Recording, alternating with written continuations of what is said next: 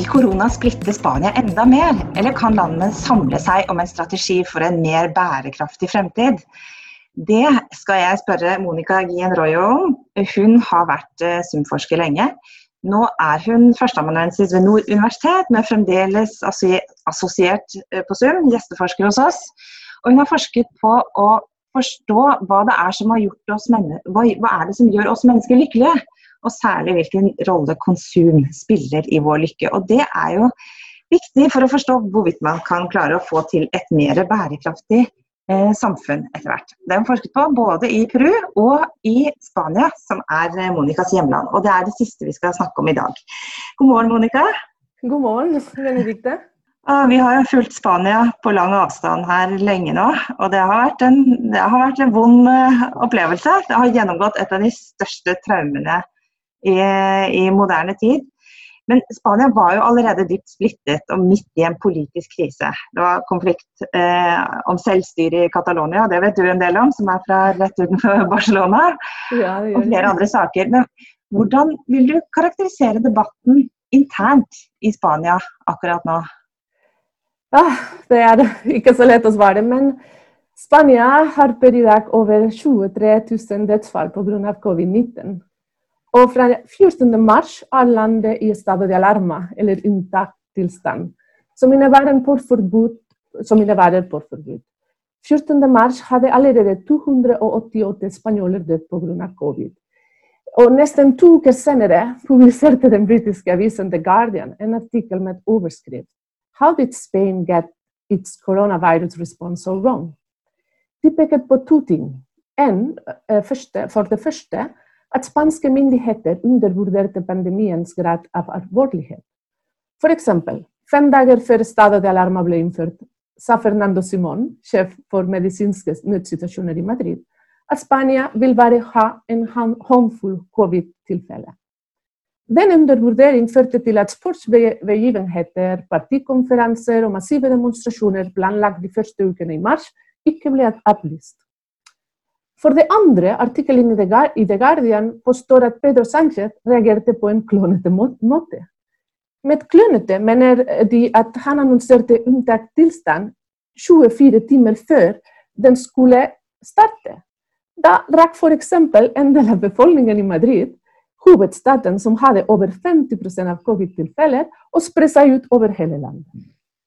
Det at Madrid hadde mest tilfeller av korona, og at regjeringen nektet å stenge byen, provoserte fram sterke reaksjoner i de forskjellige landsdelene, særlig i Catalonia. Av, et av de første tiltak Sánchez innførte, var å ta kontroll over det katalanske og basiske politiet. Og å utplassere over 1000 soldater i hele Spania for kontroll og overvåking. Dette ble ikke godt mottatt av katalanske myndigheter, som gjentatte ganger var Spania mot tillate stenging av grenser mot Frankrike, flyplasser og sperring av motorveien og togruter som kobler Madrid med Catalonia. De katalanske myndighetene ba også om en, et fullstendig portforbud, siden unntakstilstanden tillot folk i ikke-kritiske sektorer å reise på jobb som vanlig. En katalansk epidemiolog var en av de klareste motstandere av et delvis portforbud. Men siden han var en kjent uavhengighetstilhenger, eh, ble hans råd sett bort fra. Likevel, 26. Eh, mars publiserte han en artikkel i The Lancet, hvor han ba den spanske regjeringen om en fullstendig nedstenging av regionene med flere tilfeller per innbyggere. Dette inkluderte Madrid, Catalonia, Baskerland, La Rioja og noen andre regioner. Da fikk den spanske regjeringen mye press og bestemte seg for å innføre fullstendig forbudet i hele landet i to uker. Det var fra 30. mars til eh, 13. april. Men da hadde Spania over 6000 dødsfall. Det er jo en dimensjon av alt dette her vi ikke har hørt så om. Men det, eh, det vi begynner å føre en del om, det er jo at korona ikke bare er en helsekrise. Det er jo, det er jo lett for oss nordmenn å tenke på eh, Spania som en service- og turistøkonomi, og det er det jo delvis. Og dette vil jo ramme økonomien utrolig hardt. Eh, hvordan er debatten nå om gjenoppbygging av økonomien? Ser man Er det noe plass for argumenter om en mer bærekraftig økonomi, som er det du har jobbet med, eller er det mest fokus på nå liksom, etter hvert komme i gang og hindre fullstendig katastrofe? Faktisk til i april inviterte Pedro Sánchez, statsministeren, alle partier i parlamentet og samfunnsaktører til å utvikle en nasjonal avtale for økonomisk og sosial gjennombygging. Men det er fortsatt uklart hva dette skal innebære, og flere regioner frykter at avtalen skal føre til en ny sentraliseringsbølge i Spania. Jeg ser ingen konkrete tegn på at den spanske regjeringen er i ferd med å omstille økonomien mot et bærekraftig samfunn. Men nylig har det dukket opp noen rapporter som viser en viss vilje til å gå videre mot en grønnere økonomisk modell, særlig blant regioner og kommuner. F.eks. Ada Colau, ordfører i i Barcelona, annonserte på lørdag investeringer på over 4 millioner euro for å stenge for trafikk noen av de mest trafikkerte gatene i sentrum. Utbyde fortau og bygge flere sykefelt.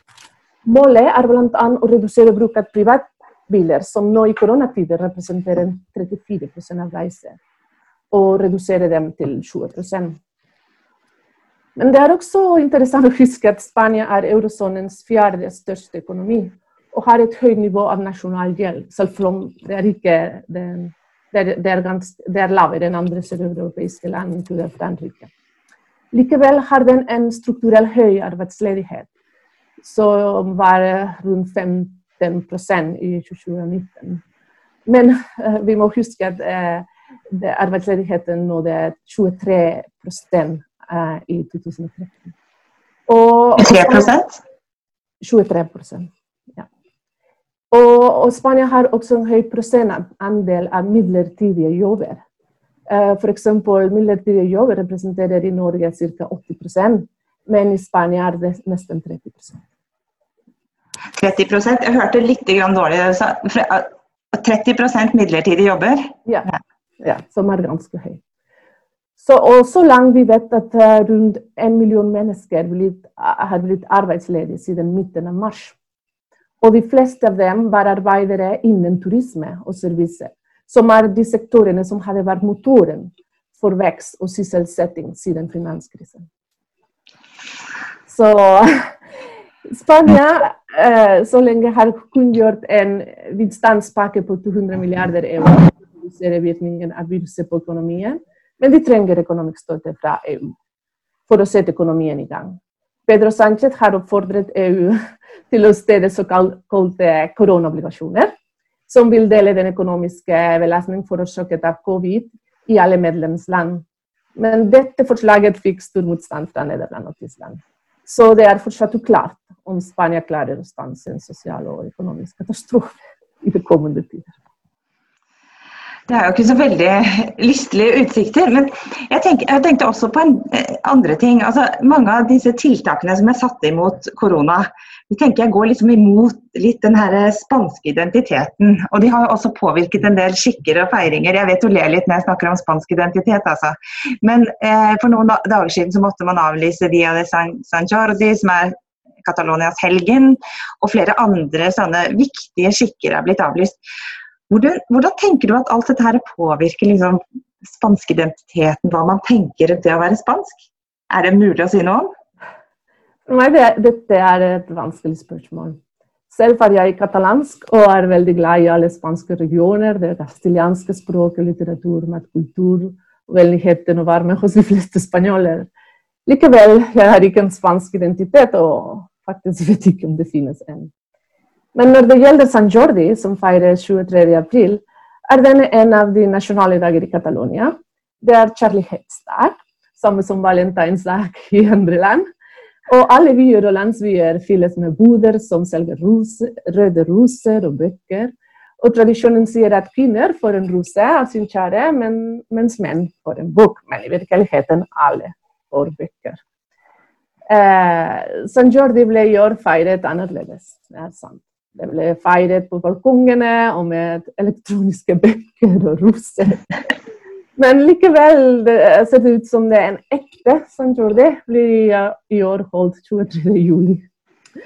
Folk faktisk gleder seg til dette. Så det er et åpent spørsmål om det skal bli mulig å organisere en, en typ, den type feiring som samler hundrevis av mennesker. Men du, jeg må jo komme inn på det som du faktisk eh, har studert. da, og Det er det som har med konsum å gjøre. Og eh, Konsum og hvordan det knyttes til vår følelse av lykke og velvære. Nå har jo folk altså måttet holde seg inne i flere uker. De får bare lov å gå ut for å kjøpe det aller nødvendigste. Hørte at man faktisk får lov å gå ut for å kjøpe en avis. Det blir definert som nødvendig på tross av internett. Men hvilken, eh, hvilken, for, hvilken rolle tenker du at ulike former for konsum spiller for liksom spansk identiteten eller velvære, om vi kan snakke om det. Og, og kan det endres eh, i en sånn prosess som man har vært igjennom nå? Det, jeg tenker som Hal Wilheid, vår veldig savnet tidligere kollega på Zoom, skulle mest sannsynlig argumentere for at en lang periode med et endret forbruksmønster kan føre til langsiktige endringer. I mer enn seks uker har spanjoler og mange andre i verden rundt opplevd et enklere liv. Skal det bety at vi skal reise mindre, kjøpe mindre og øke forbruk av energieffektive og lokale produkter? Det skulle være ønskelig, men mye tyder på at det ikke er Spania som vil lede en omstilling eh, til nøysomhet. Det som jeg vet fra forskningen om livskvalitet, er at å prioritere materialistiske mål er negativt korrelert med lykke og tilfredshet generelt. I koronaperioden har mange brukt mer tid enn vanlig på TV og Internett. Og siden de fleste TV-kanaler i Spania er kommersielle, så har en gjennomsnittsfamilie helt sikkert blitt utsatt for mye mer reklame enn vanlig. I tillegg, perioder med økonomisk og personlig usikkerhet har også blitt funnet å påvirke materialisme positivt.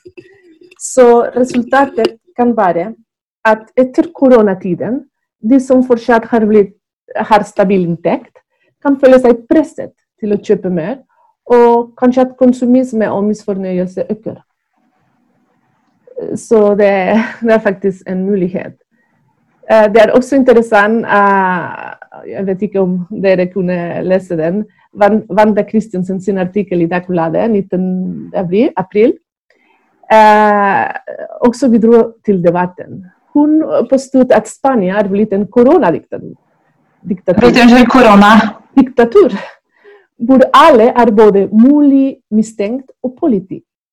I Spania er det flere hundre bøttelag og tusenvis arrestert for å ikke følge for, for forbudets regler. Og dette inkluderer å kjøpe mat som Nugatti, brus, sjokolade og pølse som ikke anses som produkter de primære necessitet. Det som er interessant her, er at autoritarisme er også påvist å forsterke materialistiske eller ekstrinsiske verdier. Så mye tyder nå på at i Spania økt forbruk og ikke-nøysomhet skal være tendens etter koronakrisen. Det var jo litt, eh, litt trist å høre, men det er en interessant kobling det der med Eh, med altså, mer autoritære regimer og eh, høyere konsum. Vi må litt tilbake til der vi begynte, eh, det offentlige ordskiftet om eh, koronapandemien.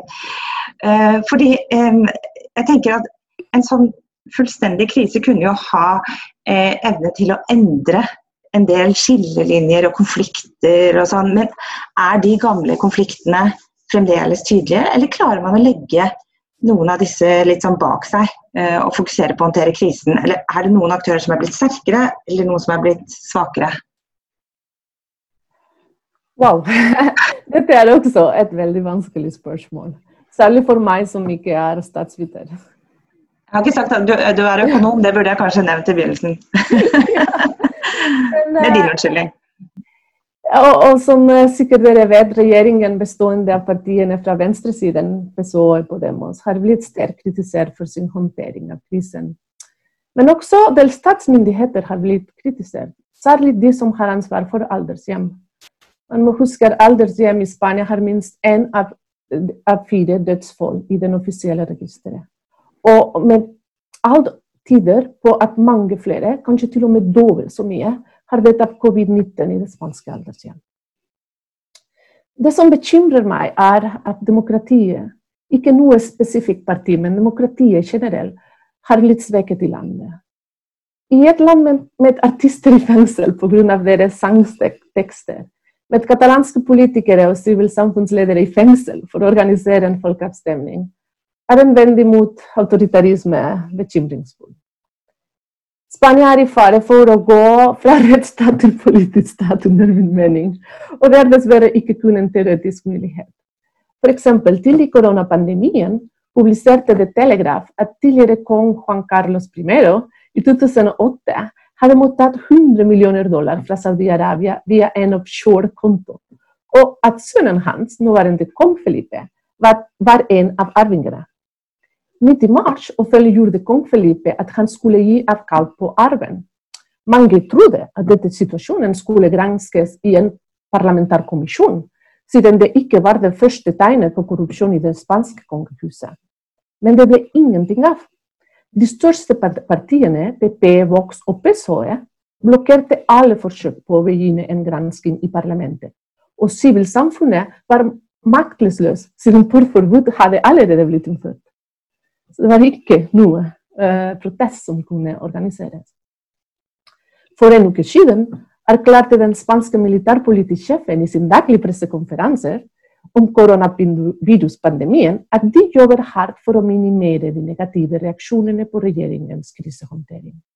Hva betyr dette når spredningen av fake news kunne straffes opptil fem år i Spania? Den vil forsvare kritiske stemmer fra fra beskyldninger om å spre falske nyheter.